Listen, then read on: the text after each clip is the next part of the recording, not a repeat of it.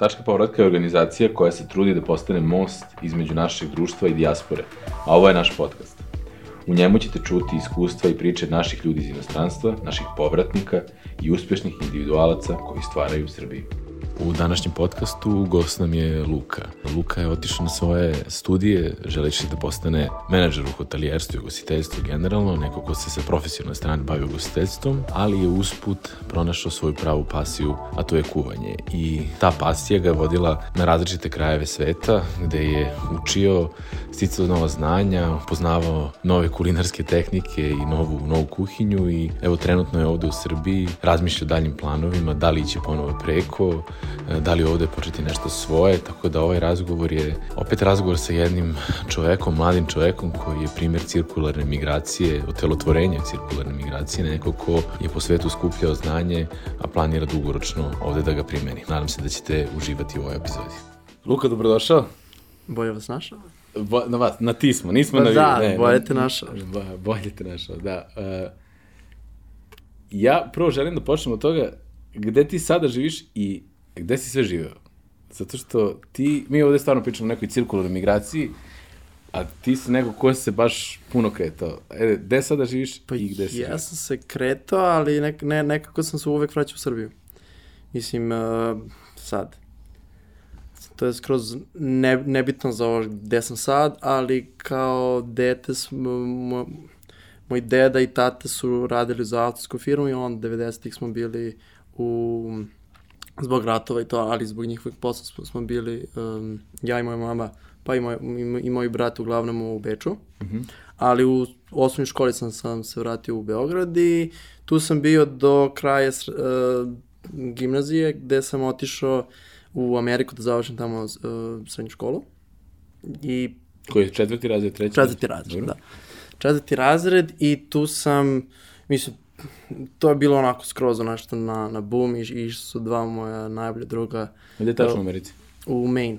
Maine, dobro. Da. Uh, išli su moja najbolja druga iz, um, iz razreda, oni su pričali da idu u Ameriku, idu u Ameriku, i onda kao, pa da, idem ja u Ameriku, a išao je moj brat i je završio četvrtu godinu u srednju školu u Americi, onda otišao u London i ne, nekako taj moj spontan odlazak u Ameriku je bio prihvaćen uh, od moje porodice jer su imali brata koji se... To je stari koji, brat koji je već nekako utrasirao. Koji već prošao i da. Ali nisam ja imao neki veliki plan zašto to idem i kako to radim. A kažeš, čekaj, ta, ta tvoje dva prijatelja iz razreda škole, kako? Da, da, iz odeljenja. Su već odlučili da krenu ti putima. To bio neki program ili šta je to bilo nekako pa slučajno ili... Pa mislim da su oni malo više razmislili ne nego ja, ali oni su isto otišli tako zato što su mislili da je to super, mislim stvarno jeste super, ali jedan drugi je otišao na ono razmenu studenta i onda je bio u porodici, mislim da u Wisconsinu, a jedan drugi je otišao u, u, na, na Floridu, baš je bio u školi živao u njihovoj internatu, da. internatu, mislim i ja sam i isto to, to radio. Mhm. -huh. I to je bila neka obična gimnazija, je li tako? Mislim, klasična američka high school kao gimnazija, je li? Pa da, I gde si fakultet onda? Da, posle toga, mislim, uh, tu sam, tu se do, dosta smo se družili sa strancima, mislim, bilo bilo do, dosta Amerikanaca iz, iz okruženja, ali je bilo i taj, do, dosta ljudi iz Evrope i iz, iz Azije su živali na, na kampusu i mi smo se združili, mi imali smo neku, neku grupu ljudi uh, uh, iz Evrope i dva, tri najbolja druga odat, uh, tamo su bili i Španije.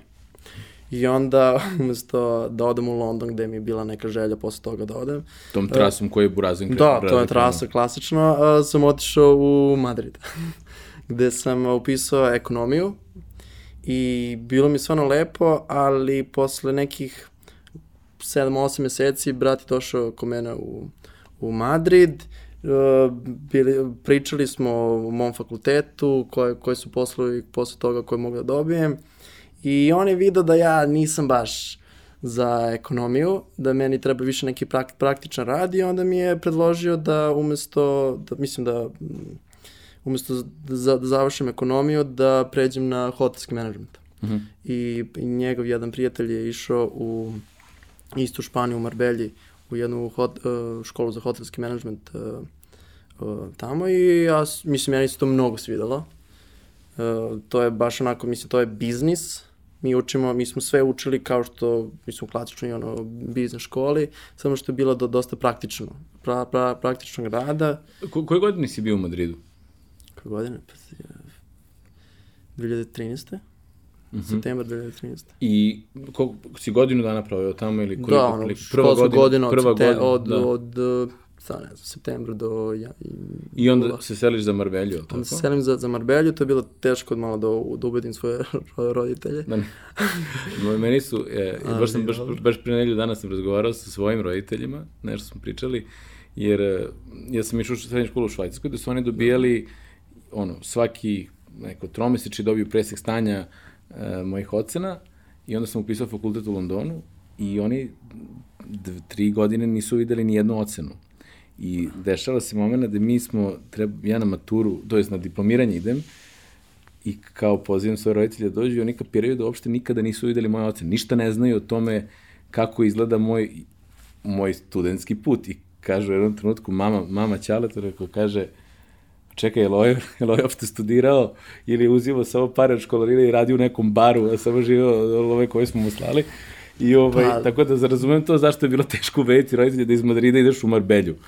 Pa ne, nj- nj- njima je prosto bilo stvarno glupo iz mnogih ra razloga zašto ja, jedan, fakultet koji je isto biznis okrenut, mm -hmm. okrenut da odem na nešto što je opet biznis samo primljeno u hotelu. Mm -hmm. Mislim, razumem ih potpuno. Ali moja škola je bila ono potpuno drugačija uh, tamo i tu je stvarno nešto što sam se pronašao, ali to, nažalost, što, što si rekao, imaš onu opciju kad se opisuješ da ubaciš e-mail ro- roditelja. Da. To sam mogao ja, ali sam preskočio. Kao drugi svoj rezervi, la. pa da, to mislim, to... Moji roditelji is- isto ni- nisu imali nikakve one izveštaje u škole, mm. ali posle, pošto, pošto u mojoj školi je bilo, imali, imali, imali smo uh, mo, kao dva semestra, umesto da idemo u školu, smo morali, morali da, da radimo praksu. Praktični rad, da. koje se, mislim, se ocenjuje kao škola uh, od strane tog nekog me menadžera našeg. Mm. I na prvom poslu, koje, je- je bilo na Tenerifima, su moji roditelji došli da, da, da me posete i onda su, to je bio neki prvi put kad su oni videli da ja radim. I Šta si sad konkretno radio? Tad sam bio uh, asistent uh, executive šefa u, u hotelu u, na Tenerifima. Mislim, je bio jedan, mislim, to je hotel Ritz-Carlton, i on bio, bio baš jedna velika operacija. I ja sam bio tu kao jedno, mislim, trebao sam da budem klasično, ono, kao, neki njegov asistent koji je tu da organizuje kancelariju kad, kad treba, kao sekretarica, ali se meni mnogo svidao posao u kuhinji, pot, po, potpuno slučajno.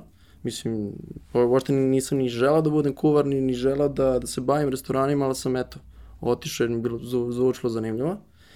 I onda su oni videli da mene to interesuje i onda su me gurali gde god je bila potrebna pomoć.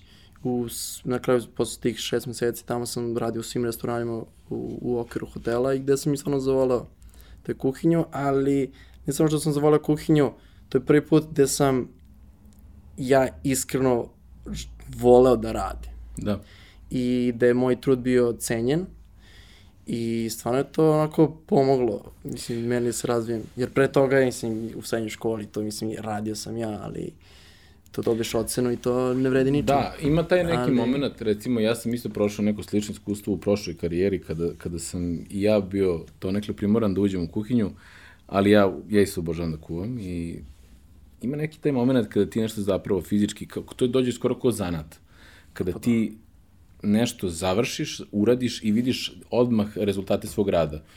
E, kada se baviš nekim projektima koji su tako nekako na du- dugačkom štapu i čekaš za šest meseci da se nekako otelotvori ono što si zamislio i radio na tome, i onda to kad se desi, to više dođe kao olakšenje nego kao, olakšanje nego kao da, nego kao neko što si ispunio. Ovako kada ti zapravo napraviš nešto konkretno, u ovom slučaju jelo, i da ti si zadovoljan sa tim jednodnevnim radom i da imaš neke osjećaj satisfakcije na kraju dana, magičan je osjećaj zapravo. Pa je, mislim, mnogo je, mnogo je zanimljivo kad ti, ti znaš tačno tog dana šta treba da uradiš i onda, mislim, to je ono, rad u kuhinji je ono fenomenalno zato što prvo radiš sa rukama i vidiš svoj proizvod, ali kad krene, kad, kad mislim, kad krene ono, rad, radni dan, prvih 2, 3, 4 sata radiš on mislim plas, spremaš, pripremaš jela koje ćeš da spremaš i onda kad krene servis, onda krene adrenalin, do, mislim, to je stvarno jedan fenomenalan posao, ono, krene adrenalin, radiš puno, 2, 3, 4, 5 sati prođe ovako, ali posle toga tačno možeš da rezimiraš gde si pravio problem, kako možeš da, da popraviš to, uh, timski je rad i, i radiš nešto vrlo kreativno. I to je negde razlika između moje, na primjer, prve škole ekonomije i druge škole hotelskog menadžmenta je bio taj što smo mi isto učili biznis, ali sa prve strane je bio ono klasičan biznis, profit i... Više neka teorija. Da, a ovde bilo stvar, učili smo š, da šta je to potrebno da da uradiš, da zaradiš što je više moguće, činiti ljude srećne. Mislim, to je, to je, to je svrha hotela. Ono, dođu ljudi i tvoj glavni proizvod da naplaćuješ jeste soba, jeste taj tanjir, jeste ne znam ni ja koja je usluga, ali u stvari glavni proizvod je emocija. Šta, kako se oni osjećaju u tom trenutku, kako ti njima učiniš, mislim, soba je jedno, kreveti, kreveti mm. isto ono, klasična stvar, ali u tim nekim luksuznim hotelima, mislim, ne, ne, ne, ne bitno u luksuznim hotelima, nego u, u organizacijama gde se vrlo prati uh, odnos između gosta i, i radnika. Uh, glavna stvar je da, da im pomogneš da vidiš taj neki trenutak kad se i čak, čak ponekad i neki pogled i neko, da, neki uzdisaj može da znači nešto jako Da ti se praktično puno. baviš nekom vrstom psihologije, nije to Jeste. samo, da. Um, Znaš šta me interesuje, recimo ti sad isto je neke vizure, ti si izvršio srednju školu u Americi, onda si otišao u Španiju na tu neku prvu godinu neke te ekonomije, nakon toga Marbelja i radiš u, na Tenerife. Mi se kažeš, ti ja smo pričali i pre ovog podcasta, znam to i o tebi ranije, uvek se vidiš povezanim na kraju kraju, to si rekao kao da si povezan sa Srbijom i da si želeo donekle da se vratiš. Šta ti, ko, koje je tvoje stanovište, ti si sad na Tenerifima, radiš u Ritz-Carltonu, i razmišljaš o Srbiji. Kako izgleda ta dinamika u tvojoj glavi? Ma dobro, ni, ni sada da sam ja na treningu bio ce, ceo život, posle, posle toga sam se vratio u Marbelju, pa onda otišao u mhm. Švajcarsku, pa onda otišao u Japan, pa sam Doći se vratio... do toga, to, zanima me baš ali, onako, kako ti vidiš tu povezanost u tim momentima? Povezanost sa Srbijom? Uh mhm. -huh. Pa, mislim, ima jedna druga stvar, ja, ja, ja sam bio dosta van Srbije, ali nigde na jednom mestu.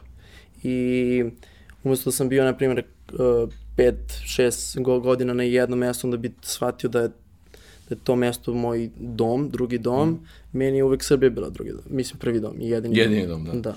I gde god sam odlazio, upoznao sam nove, uh, nove ljude, uh, stekao ono, fenomenalno iskustva, ali pravi prijatelji su mi uvek bili ovde. Um, takođe, mislim, i devojka mi iz, iz Beograda i, i uvek smo se uz sva naša putovanja, pošto je ona isto bila, bila van zemlje, uvek smo se na, nalazili u Srbiji i to je negde gde bi ja volao da ostanem, koliko god moja neka želja je da budem van Srbije i da upo, i, ali to je više zbog upoznavanja nekog no, no, sticanja nekog novog iskustva, ali Mislim, ipak neko, je Srbija naša zemlja. Neko novo znanje, neko novo da. Pa da, koje bi mogo da vratiš ovde. Uh, I dobro, i ti se, znači, vratiš ponovo u Marbelju, i, ali to je, mislim, stvarno, mi smo sa, ne, sa nekoliko vrlo sličnih ljudi i mentalno sličnih sa tom razgovarali baš na tu temu kako u principu to je ta cirkularna migracija, kada ti u stvari imaš jedan dom i onda iskačeš stalno iz tog doma i tražiš neko to znanje i iskustvo koje onda posle uh, primenjuješ ili negde drugde ili eventualno ovde. I znači vraćaš se u Marbelju i onda da odlaziš gde, šta si rekao, Švajcarsku? Da, u Marbelji završavam tu neku, to jest završavam drugu i treću godinu. I on, to jest, drugi počinjem treću godinu i završavam, uh, mislim, to je samo na nastavu fa fakulteta i onda, kao i, mislim, zbog škole smo morali tu drugu praksu da odradimo negde. Ja sam stvarno, mislim, zavolao rad u kuhinji, ali ja ni, ni, nikad nisam radio u nekoj kuhinji sve vreme, jer su ja, moje glavni posao je bila kancelarija i organizacija svega toga. Uh, I želao sam negde da u stvari, mislim, u, i u komunikaciji sa mojim uh, uh, šefom, uh, bila je priča kako bi ja mogao dalje da, da se razvijam i onda mi rekao, ono, slušaj, ti, ti znaš organizacijono mnogo više nego ljudi pri, približno tvojih godina, ali ti dalje nisi radio u jednom restoranu ja dugo. I onda bilo važi, dobro, gde, gde je najbolje da, da to radim. I onda su mi rekli, kao, ono, radi gde god hoćeš, ali ono, Japan je za kulinarstvo zemlja broj jedan. I onda sam, eto, poslao neke CV-e u, u Japan i dobio sam posao. Kada se to dešava? Koje je to godine? To je možda 2014. 15. I 2014. dobijaš posao gde u Japanu? Uh, isto u Ritz-Carltonu u Tokiju kao kuvar. I, znači, ti sada praktično prelaziš iz jedne teorije, i bukvalno iz ekonomije u teoriju, znači u praktično menadžmentu u gostiteljstvu, u kuhinju na praktični rad i odjednom si se nalaziš u kuhinji u Tokiju. Koliko dugo si bio Da. u Tokiju? Pa isto šest meseci. Šest meseci i tu si, znači, bukvalno samo praktični rad sprovodio delo. Da. Nisi se bavio organizacijom kuhinje kao ranije. Ne, ne, ne, to je bilo bukvalno sa vrha piramide ideš na najnižu moguću le, lestvicu, ali mislim, ako hoćeš da radiš u kuhinji ili u uopšte restoranu, moraš da kreneš od... od I šta te to recimo naučilo? Pa prvo, naučilo me kako da kuvam, kako uopšte da, mislim, to jest kad, kad sam otišao tamo, uh, to jest u Španiji, su uvek hteli da, da im pomognem i uvek i gurali su me gde, gde god sam mogao. Da uskačeš u kuhinji, da, da, da, ali to je bilo i u restoranima koji imaju jedni i dve mišljene zvezdice.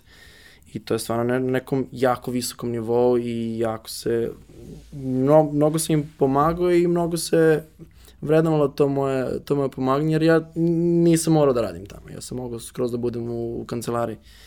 Ali kad sam otišao tamo, uh, mislim u, u Tokio, onda sam otišao on, dobio svoj, svoj parč, metar Svoju radnog stanicu, da. prostora, svoju tablu i rekao su mi seci. I ti si povred- sekao.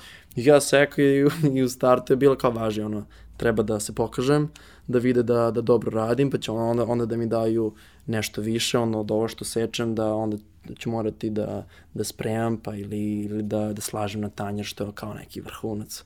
Očekivao u si neku progresiju. Da, ništa se nije desilo. Da. ali uh, i to me jako frustriralo u početku zato što ono radiš sve vreme isto, mislim naravno me, naš meni se menjao svaki me, mesec dana i onda sečem drugo povrće posle mesec dana, ali ja opet sečem povrće.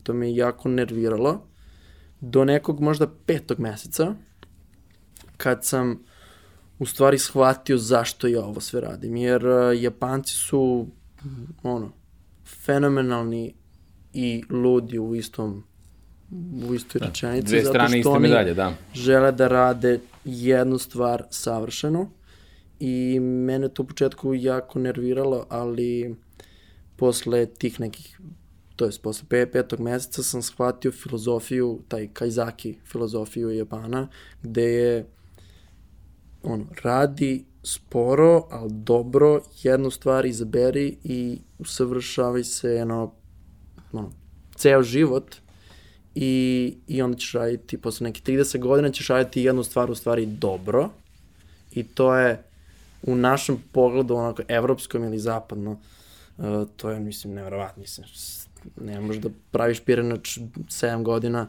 pa on, ne, posle godinu dana ti odmah služiš, i, ali taj pirenač ovde da, u, da. u Srbiji ili u Barceloni ili gde god u, u Evropi ne može se poradi sa onim u, u Japanu zato što oni čovek tamo radi 20 godina mu je trebalo da, da Dođe do da dođe do tog nivoa. A, koji je ono, mislim, ne, Netflix je radio na Chef's Table, on, ili ne ne, ček, to se sad, ne, o... Giro? ili- Da, da, da, u, gde, u nekoj podzemnoj, Da, železnici, tu u, gara, u, na, u stanici metroa. na stanici metroa, imam ono, suši, ovaj, koliko ima, 8, 10 stolova, 80 mesta. Pa da, mislim, pro, problem u Japanu je taj što, što je sve ja, jako skučeno Mhm. i ima ma, malo prostora i oni imaju ja, jako veliku kulturu i restorana i barova u malom prostoru imaju. Ali tu ima ta neka specifična situacija. Điro ima recimo 80 godina ili 85, a Viš- njegov sin ima 60 ili Da. 65, nešto 20-25 godina mlađi od njega. Da.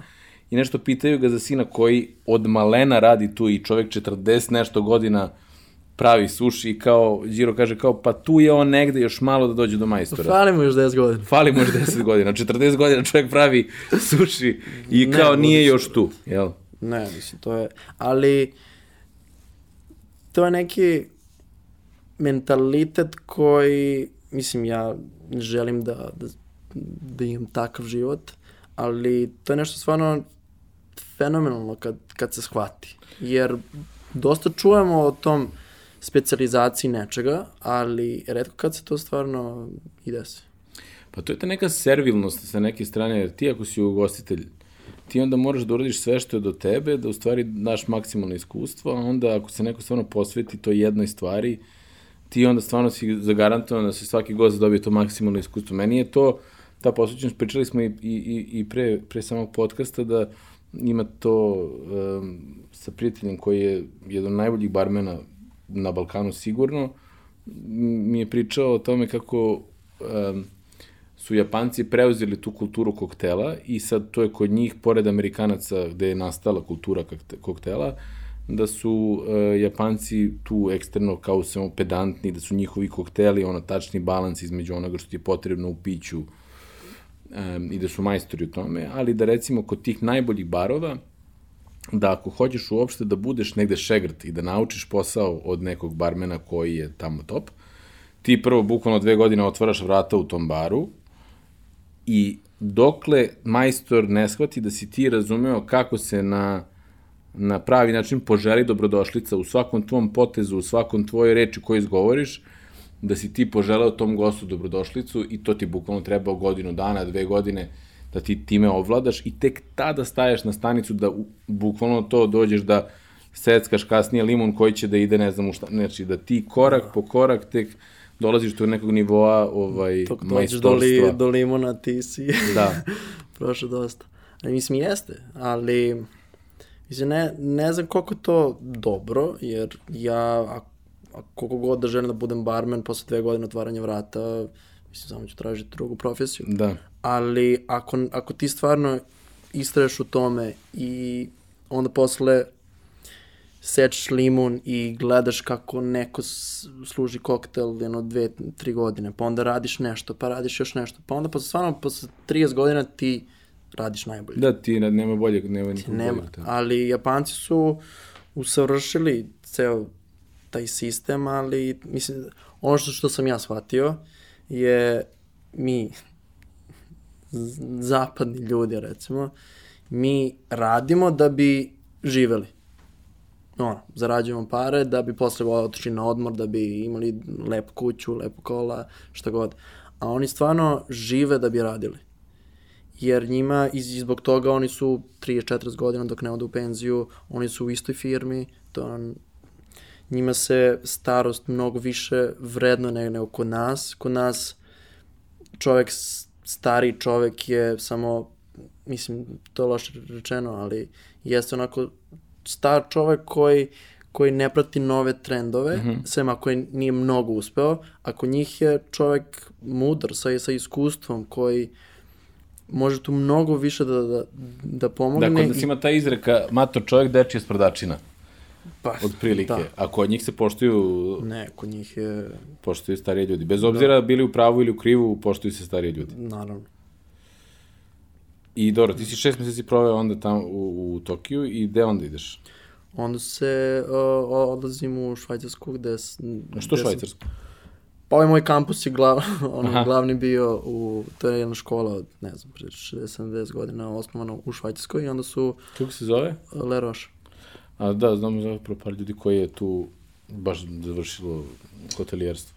To je, mislim, jedna od tih škola koje su krenuli uh, edu, edukaciju u hotelskom menadžmentu i oni su krenuli tu i onda su otvorili u, u Španiji i onda posle u Kini i u Americi. Mm -hmm.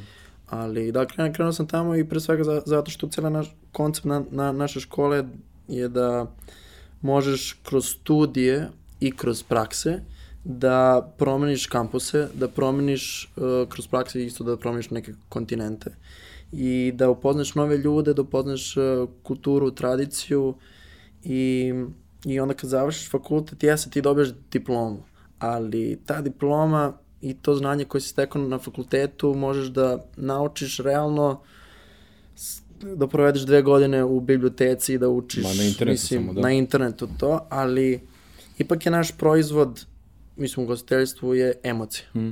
I tradicije ljudi i, i u, ako radiš u jednom hotelu, ti imaš kontakt stalno sa ljudima iz celog sveta, tako da cela poenta je da kroz studije upoznaš što je više mo moguće kultura, da upoznaš što je više moguće i, i ljudi, ali i da, i da uživaš, naravno. Zato što ako ne znaš da uživaš, ako ne znaš šta valja, ko je koktel dobar, koja je hrana dobra, ko je vino dobro, ti ne možeš ni da, da prodaš to nekome. Ne možeš kad dobiješ vina u svom restoranu, na primer, ti ne možeš da, da kažeš ovo, do, ovo dobro ću, ovo vino ću da služim, ovo vino neću da služim, zato što ne znaš šta je dobro vino.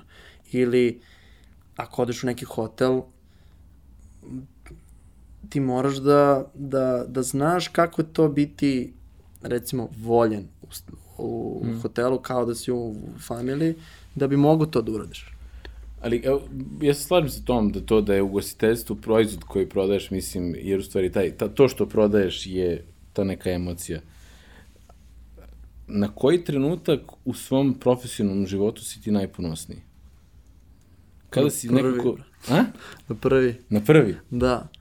Mislim, pre svega zato što to je neki, mislim, to je ona najveća odskočna daska koju sam ja čuo da je Iku radio u mojoj školi. Uh -huh. uh, to pre, uh, drugo, za, zato što to je prvi put kad sam ja nešto radio u životu. I onda sam tu shvatio da ja u stvari mogu da radim šta ja i shvatio sam koliko ja sve mogu da radim i to mi onako i dan danas, danas drži, a i mislim i treća znači, stvar... Znači, moment u kom si ti, na koji ti najponosniji moment kada si ono iz teorije stvarno si u praksu i u prljao da. ruke.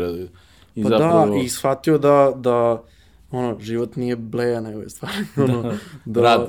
radi, da to može bude baš dobro, a i glavna, mislim, još jedna stvar je, tad su me i roditelji videli da, da radim i prijatelji, mislim, dru, društvo, pošto, pošto mi, baš dosta ljudi sa moje škole, iz moje škole je otišao ta, tamo da radi i onako smo se, mislim, videli smo da u stvari, tad smo u stvari postali ljudi. Da, da, Mi smo više deca, mislim, tad smo postali ljudi, to je ono, dan danas, a i ne danas, nego i za 30 godina ću se uvek sećati, sećati toga jako I, dobro. Ti sad imaš stvarno neko veoma bogato internacionalno iskustvo i stvarno ako pogledaš to je neka i evropsko viđenje ugostiteljstva, jedno azijsko ili baš stvarno u tom nekom radikalnom smislu japansko viđenje ugostiteljstva i to neka i na kraju krajeva škola koja ti je dala neko teorijsko znanje, a sam si kažeš uprljao ruke pa ovaj, imaš i to praktično znanje, a opet postoji ta povezanost sa zemljom u kojoj želiš i da pripadaš i društvu u kom kažeš sam da pripadaš. Šta su neki sad dalji planovi kad imaš tako jedan i globalni kontekst koji ti sa jedne strane postoji sa znanjem koje si upio tokom ovih godina, ali imaš i nekako tu neku lokalnu povezanost. Šta je, mislim, sigurno je za sve nas korona neki, ono, presek stanja se radi pa da. i prave se planovi za buduće, pogotovo u industriju koji si sve je stalo, niko ne zna šta će biti, ali kada uzmeš sve to u obzir, taj širi svetski kontekst koji imaš u sebi i tu neku da. lokalnu povezanost, šta su neki planovi? Pa ne, mi, moja želja je uvek bila da, da se vratim u Srbiju i mislim da ova moja industrija, kad se onako rezimira presje stanja iz 90. 2000. 2010. i ove godine, je mnogo uznapredovalo. I, ali jako kaskamo u nekim stvarima, uh, na primjer na, na Tokio ili šta god, ali uh, moja neka, neka želja bila da, da se vratimo ovde i da rastem i da, da radim u, u zemlji uh, odakle sam i da, da se pozicioniram u razvijanju ove zemlje. Znači, tvoja je- neka fundamentalna, sad, da li će to biti sad ove godine, sledeće ili kako god, tvoja želja da ovde znanje primjeriš i otvoriš, na primjer, restoran, radiš u svom restoranu ili radiš Pa, ili hotelu ili ili, šta je, šta je? hotel, restoran, Hotel, da. restoran. mislim, i hotel i restoran su neka potpuno, mislim, imati svoj restoran restoran ili restoran u hotelu, to je ono dva sveta. Da, da, da, razumijem. A ti si više ka? Pa ka hotel.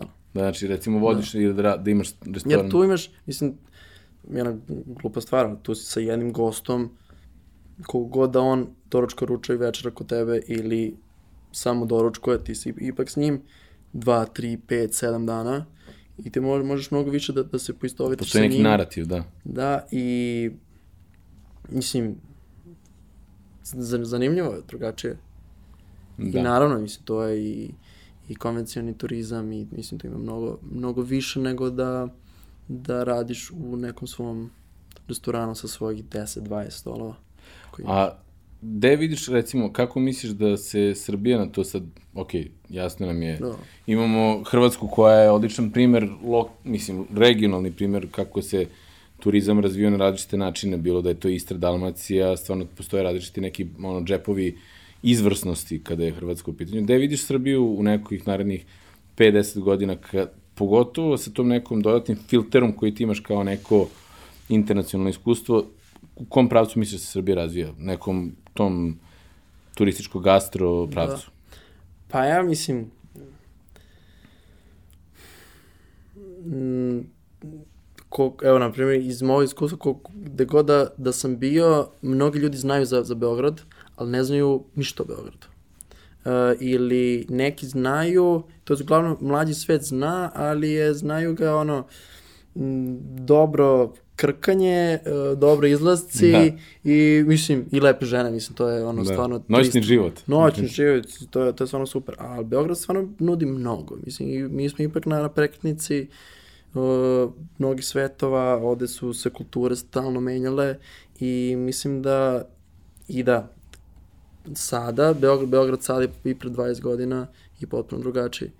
I mislim da sad se dosta i turizam kod nas menja jer dolaze ljudi da stvarno upoznaju Beograd, a ne da, da za jeftine pare izlaze. Da, da. I kroz to, mislim, i kroz to mi, mi kao Srbi, kad god vidimo turiste, mi treba da se osjećamo kao ambasadori na, na naše zemlje, jer uh, kogod i u kafiću, i na ulici, i u nekom klubu, ali i u, i u muzeju, uh, ipak ti ljudi kad dođu ovde, sad, sad više ne, ali uh, sad do, dolaze sa nekom subjektivnim mišljenjem, a uglavnom svi se vraćaju oduševljeni. Jeste. I to je jedno... Ja, dok sam bio u srednjoj školi, prvi par godina nisam mogao da nateram nikoga mojeg druga da dođu u Srbiju, roditelji ih nisu puštali.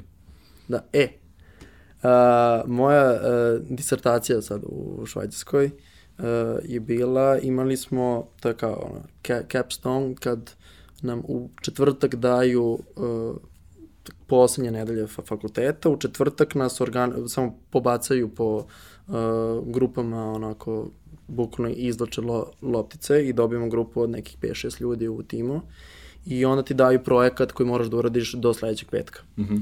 I mi smo dobili da radimo hotel, da izgradimo ceo hotel, bi, biznis plan hotela i dali su nam pet uh, zemalja i bila je tema hoteli u ono, emerging markets, Da, da, kao rasućim tržištima. rastućim tržištima i jedan od tih gradova je bio Beograd.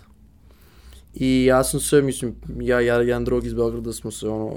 Zapalili da to bude, mora da bude. Da, i njegov tata arhitekta i onda je bilo daj, to može, dođe pola posle gotovo.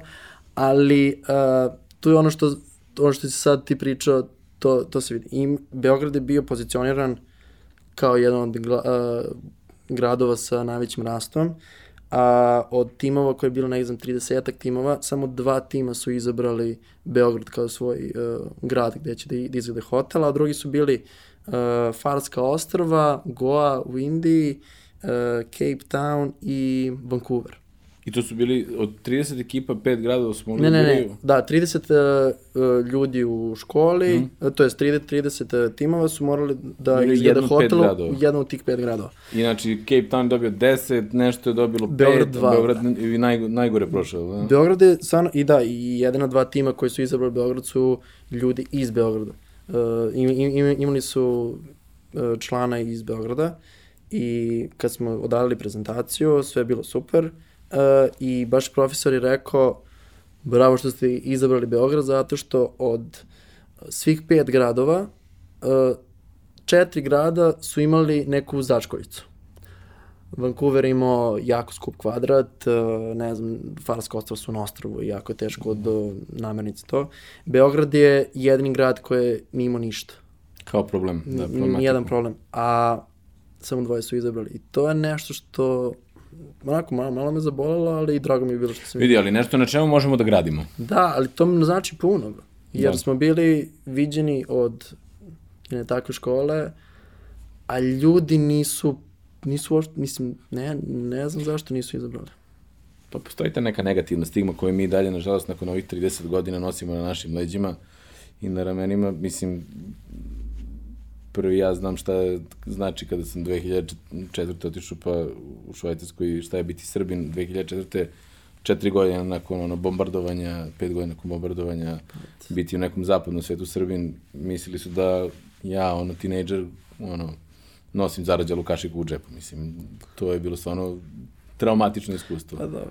Ali mislim da se te stvari zaista menjaju i, i da je to i da to i sad ti neki primjeri kao tvoja škola koja zna zbog čega je odabrala te gradove, da mi sad imamo ogroman potencijal koji sada treba da iskoristimo, pogotovo sad kad se nekako usred ove epidemiološke situacije stvari preslažu i stvari nove karte dele.